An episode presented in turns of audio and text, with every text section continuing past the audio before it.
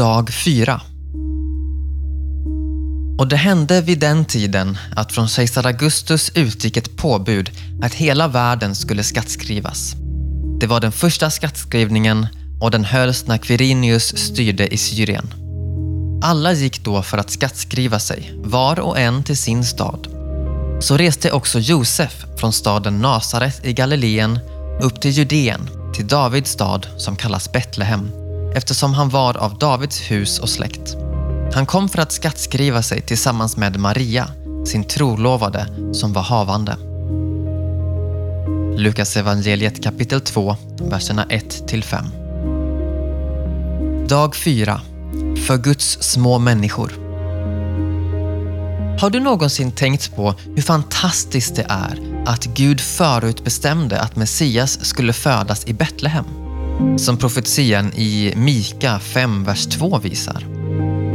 Är det inte enastående hur han lät det bli så att när tiden var inne bodde Messias mor och juridiske far inte i Betlehem utan i Nasaret och att Gud för att uppfylla sitt ord och föra två obemärkta, obetydliga små människor till Betlehem den första julen lade i kejsar Augustus hjärta att hela den romerska världen skulle skattskrivas, var och en i sin egen stad.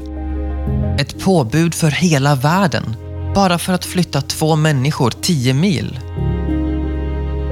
Har du någonsin, liksom jag, känt dig liten och obetydlig i en värld med sju miljarder människor där alla nyheter handlar om stora politiska och ekonomiska och sociala rörelser och framstående människor med globalt inflytande och mycket makt och anseende.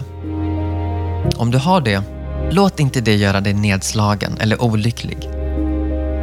För det är underförstått i skriften att alla enorma politiska krafter och alla gigantiska industriella komplex, utan att de ens vet det, styrs av Gud.